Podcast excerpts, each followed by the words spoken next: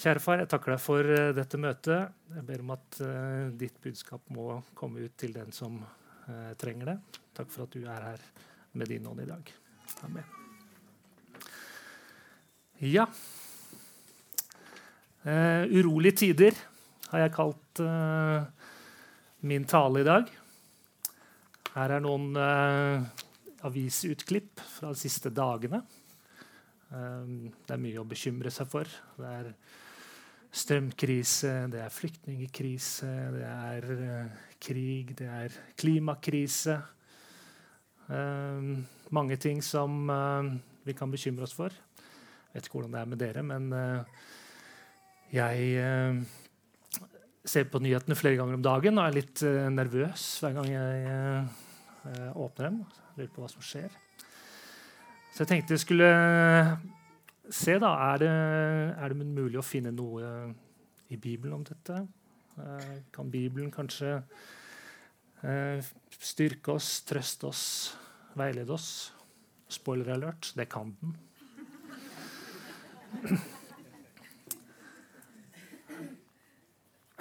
Um, hvis vi ser om det som opptar oss kanskje mest nå, nemlig krig, så ser vi at uh, Jesus han har sagt noe om krig.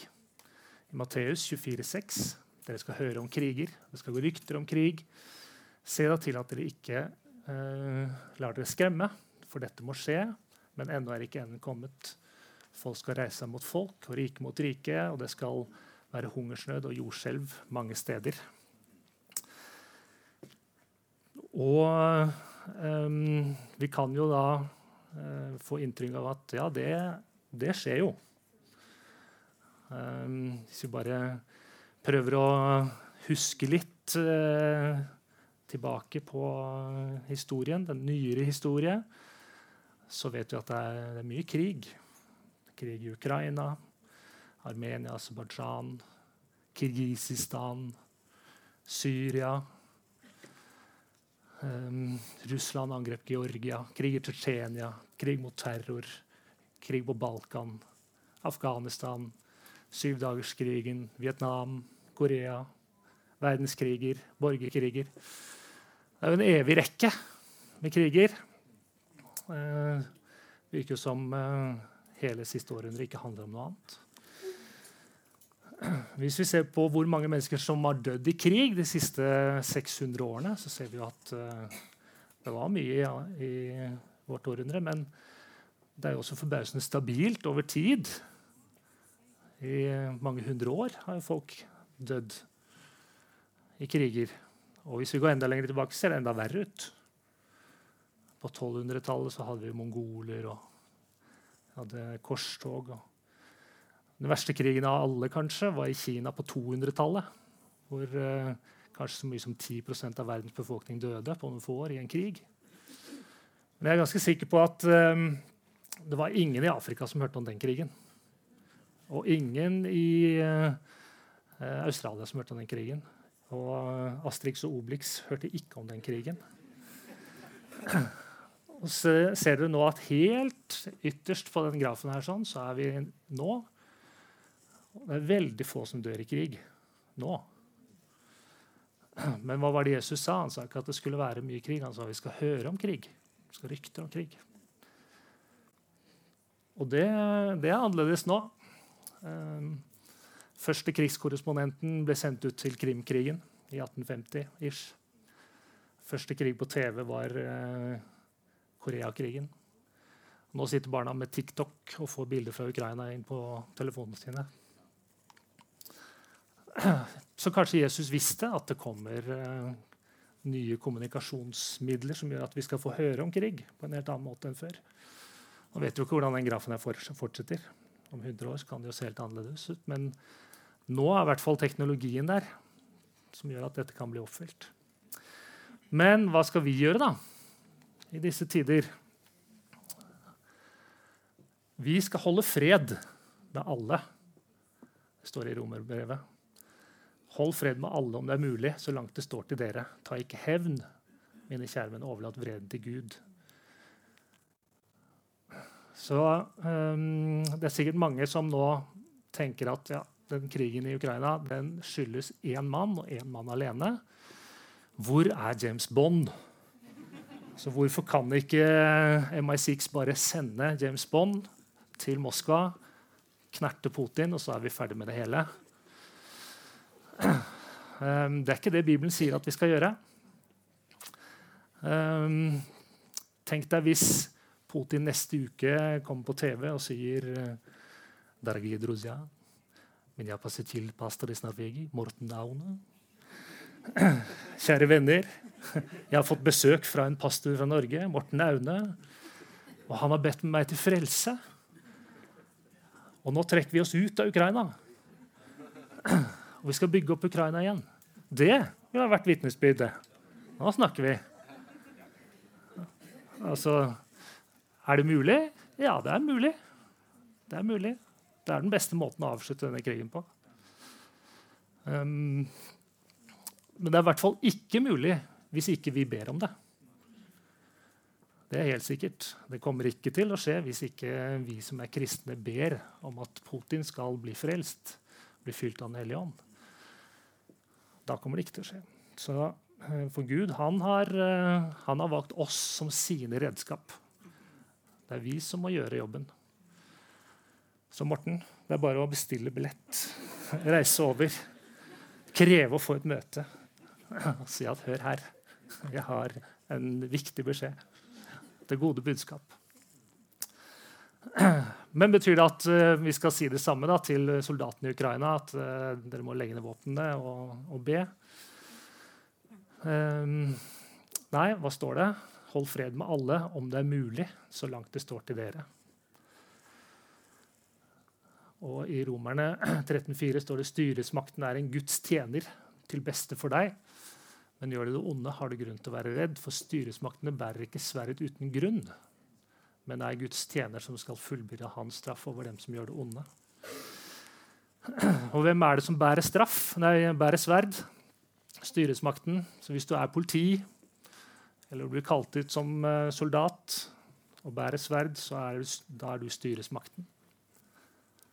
Um, du er satt der til å opprettholde lov og orden Beskytte oss mot det onde. Ikke uten eh, begrensning, selvfølgelig. Eh, for vi har en lov som står over denne loven. Så hvis styresmakten ber deg om å gjøre noe som er ondt, så skal du ikke gjøre det. Men styresmakten bærer sverdet av en grunn. Når vi nå vet at antall kriger går ned, det er færre mennesker som dør i krig, Betyr det at, at uh, vi ikke trenger å bekymre oss noe mer? Det, blir vi ikke påvirket av dette lenger? Er det en ny tid? Er det andre ting som påvirker oss eh, pga. krigen? Krig fører til uh, flyktninger. Mange mennesker som må dra fra hjemmene sine. Og antall flyktninger i verden etter andre verdenskrig var veldig lavt rett etter krigen etter at alle de som da flyktet, eh, hadde kommet tilbake. Holdt seg ganske lavt i mange år frem til 90-tallet, og så har det skutt i været. og Bare de siste ti årene har det doblet seg med antall flyktninger i verden. Um, det er tre millioner ukrainere som er på flukt. De utgjør en usynlig del av det tallet der. Det er 100 millioner mennesker på, i verden i dag som er på flukt. Um, det er mange. Det er fryktelig mange. Og sier Bibelen noe om det? Ja, den gjør det. Um, det er mange grunner til å flykte. Um, Bibelen starter og slutter med fortellingen om flyktninger. Har du tenkt på det en gang? Adam og Eva var verdens første flyktninger. Ble kastet ut av eden og måtte dra til et nytt land og skape seg en ny tilværelse. Og den aller siste i Bibelen, Johannes, satt i forvisning på Patmos og skrev um, Johannes' åpenbaring. Så Bibelen starter og slutter med flyktninger. Og det er mange flyktninger i Bibelen. Uh, mange som flykter fra krig. Hele Israel flyktet fra krig. Uh, det står uh, om, om, folk som som greide seg fint, som spilte en viktig rolle. Nehemja skulle bygge opp igjen Israel. Ester beskyttet hele sitt folk fra utryddelse. Naturkatastrofer. Eh, Noah flyktet jo fra den verste av alle. Lot flyktet fra en naturkatastrofe. Sult. Jakob tok med seg hele israelsfolket pga. sult. Um, konflikt som ikke er krig. Hagar måtte jo flykte. En konflikt med Sara. Hun ble mor til et stort folk. Josef flyktet pga. konflikt med sine brødre. Reddet hele israelsfolket. Noen tar dårlige valg. Adam og Eva, f.eks. Kain. Moses drepte en egypter, måtte flykte. Og forfølgelse er jo en vanlig grunn til å flykte. Um, F.eks. av Johannes. da, Flyktet til Patmos, Patmos før han ble forfulgt. De første kristne ble forfulgt. Måtte rømme. Jesus selv vokste, opp som flyktning i Egypt. Det er mange.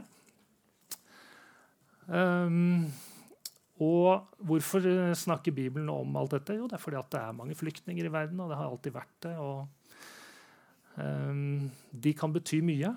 Disse menneskene som, som vi leser om, de uh, ikke bare greide det i seg selv, men de endret historien. Um, der de kom. Og Bibelen sier innflytteren som bor hos dere, skal være som en av deres egne landsmenn. Du skal elske ham som deg selv, for dere har vært innflyttere i Egypt. Jeg er Herre deres Gud.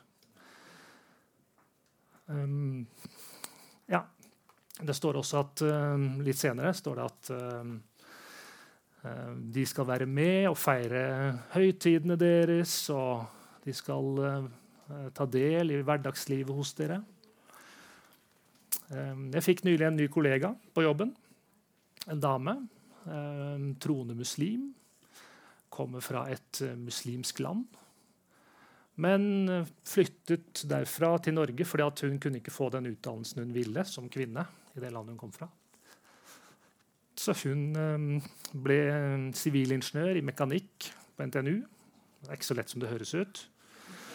Eh, hun tok doktorgrad i molekylær biologi. Ressurssterk dame. Har bodd i, og jobbet i Norge i 15 år. Snakker godt norsk og har mange venner. Men hun sa at på julaften eller julen så drar hun hjem til hjemlandet sitt. For da er hun helt alene. Så alle de, um, alle de vennene hun har i Norge Det er ingen som inviterer henne i jul. Og det er jo ikke så vanskelig å invitere noen på julaften. Troende muslim dame som um, som har et inderlig ønske om å være med på en kristen høytid. Det må vi få til. Uh, der hoppet jeg litt langt. Um, I 5. Mosebok så står det hvert tredje år skal du ta all tienden av avlingen din. og Du har fått det siste året, og sette den til byene dine. Så kan de komme og spise seg mette, både levittene, som ikke har noen arv, å dele med deg, innflytterne, de farløse og enkene i byene dine. Og Herren din Gud velsigne deg og arbeidet du gjør med hendene dine. Hva er dette, da? Det er Nav. Er ikke det? Vi skal ta overfloden vår og dele med dem som ikke har. Det står jo her. Innflytterne står uh, nevnt spesielt. Så hvis vi er irritert over at det kommer uh, innflyttere som uh, snylter på Nav, så er det bibelsk. Det er det, altså. De har, jo, de har, jo, ingenting. De har jo flyttet fra alt de har. De kan ha vært rike i hjemlandet sitt, men de får ikke med seg det når de må, må rømme. Så um, Det må vi glede oss over. At vi har muligheten til å, til å hjelpe dem når de kommer.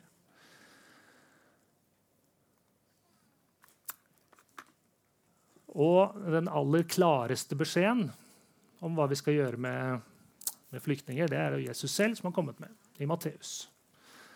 Så skal kongen si til dem på sin høyre side.: Kom hit, dere som er velsignet av min far, og ta i arv det riket som er gjort i stand for dere fra verdens grunnvoll ble lagt.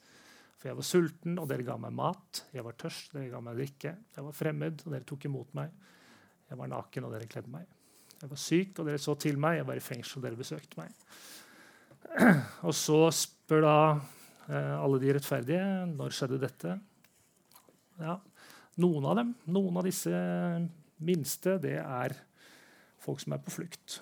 Våre nye, nye landsmenn som, eh, som, er kommet hit, og som, eh, som er Jesu barn. Som eh, vi kan hjelpe med de små ting. Det trenger ikke være så stort. Vi kan invitere på julaften.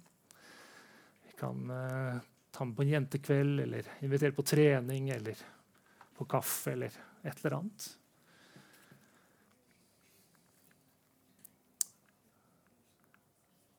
Så eh, det er, eh, det er mye vi kan gjøre som ikke er så vanskelig for disse flyktningene. Vi kan be. Det koster oss ingen verdens ting, men betyr veldig mye. Vi kan til og med frelse Putin. Um, mange av dem har jo, mange som er på flukt, har opplevd fæle ting. Um, de trenger trøst. Um, mange er alene. Kvinner og barn, unge.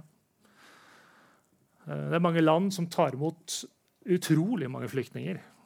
Eh, og som ikke er eh, oljerike land som Norge. Tyrkia har tre millioner flyktninger alene. Libanon, Jordan, Tsjad, fattigste land i verden, har masse flyktninger. Etiopia, Pakistan. Vi kan be for disse landene. Det, det skal vi klare.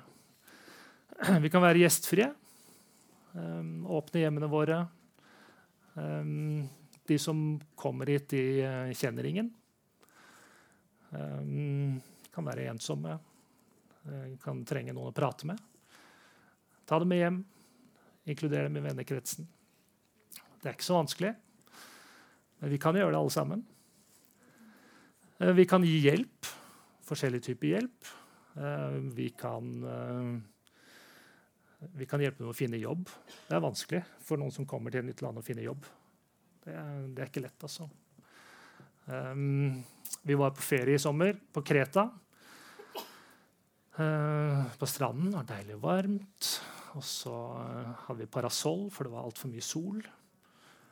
Um, så kom det en fyr gående på stranden. Uh, afrikaner. Med en svær ryggsekk med masse dill og dall oppi. Som han skulle selge. Ehm, jeg sa nei takk, jeg trenger ikke noe av dette. Så sa datteren min at pappa, du må kjøpe noe. Han, han, gjør jo det han kan. Han går hele dagen her i tung sand og i stekende sol med tung ryggsekk og gjør det han kan for ikke å måtte være kriminell. Jeg må jo kjøpe noe. Så selv om eh, jeg punkt 1, ikke trengte noe av det Dill og Dallan hadde, punkt 2, hvis jeg hadde trengt det, kunne jeg fått det mye billigere på wish.com. um, så, så, kjøpte jeg noe Dill og Dall. For det betyr jo virkelig ingenting for meg om jeg betaler eh, 100 kroner, men det betyr mye for ham. Um, så det er eh, ja, det var eh, et godt poeng av min datter. Um, jeg gikk i en tur i Oslo for noen år siden. Det kom det en kar bort til meg. Han snakket på veldig gebrokkent norsk. Spurte kan du vise meg veien til et eller annet. Og så hørte jeg på norsken hans at ah, han kommer jo ikke til å skjønne min forklaring her.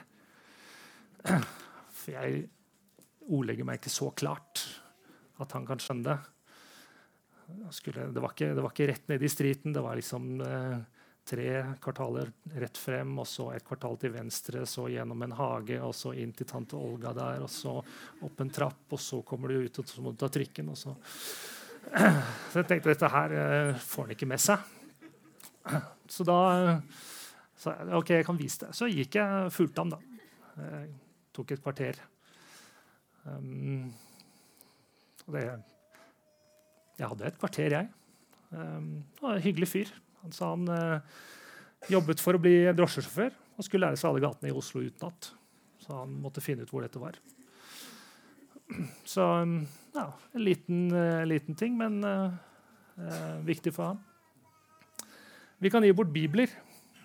Mange som flykter, de, de har ikke bibler. tar ikke med seg biblene sine. vi kan gi bibler til andre land hvor vi vet det er mange flyktninger. Til Tsjad, f.eks. Det er ikke så mange bibeltrykkerier i Tsjad. Uh, men det er viktig. Det kan vi gjøre. Uh, vi kan være en medvandrer. Um, det er, det er Tors, Tor Håbrekke sitt mantra. Være medvandrer. Um, kommer, det kommer folk til landet vårt som har mistet alt, flykt fra alt. Uh, de trenger å bygge opp et nytt liv. Da kan vi være der uh, sammen med dem. Uh, hjelpe dem til å forstå hvordan Nav fungerer. Hadde en fyr på jobben, en, en, en vaskehjelp, som kom fra et eller annet land.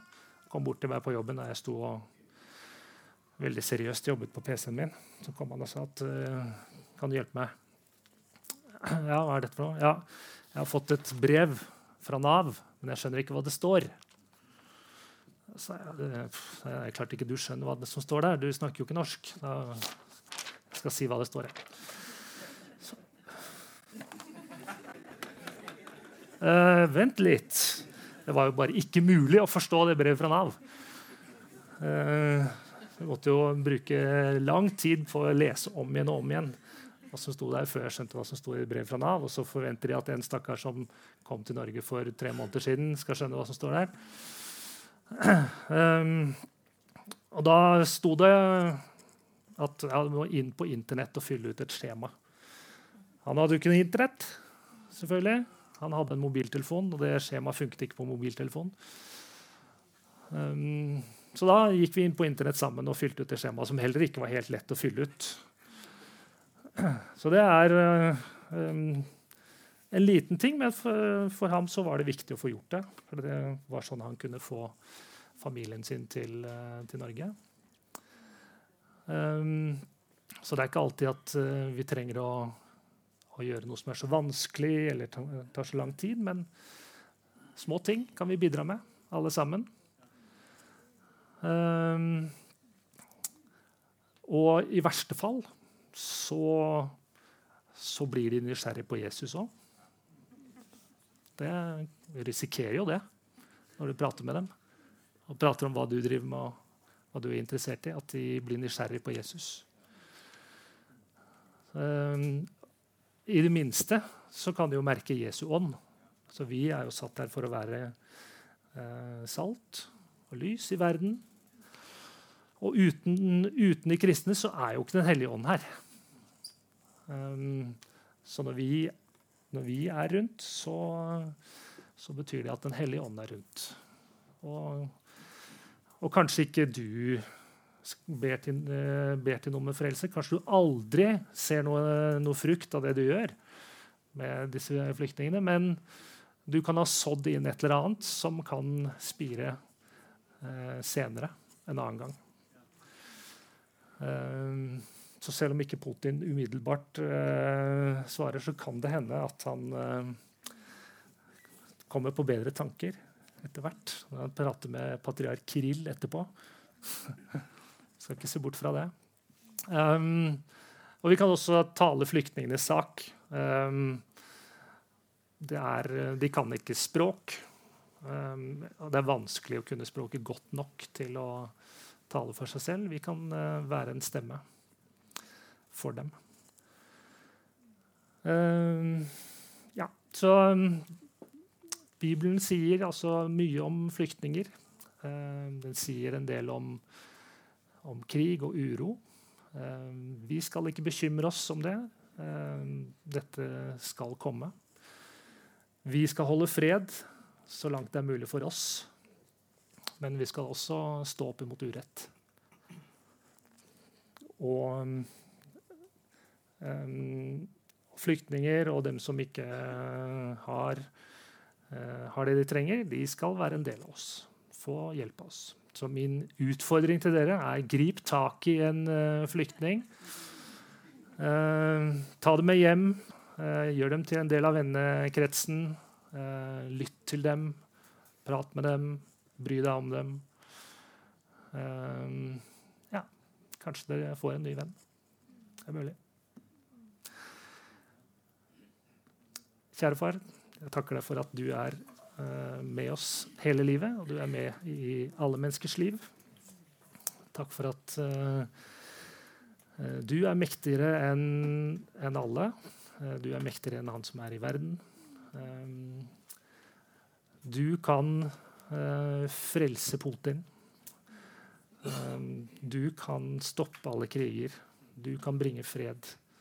Ber om at du bruker oss der hvor vi er, til å Eh, bringe fred rundt oss, til å påvirke dem som er rundt oss, til å være salt og lys i verden. Amen.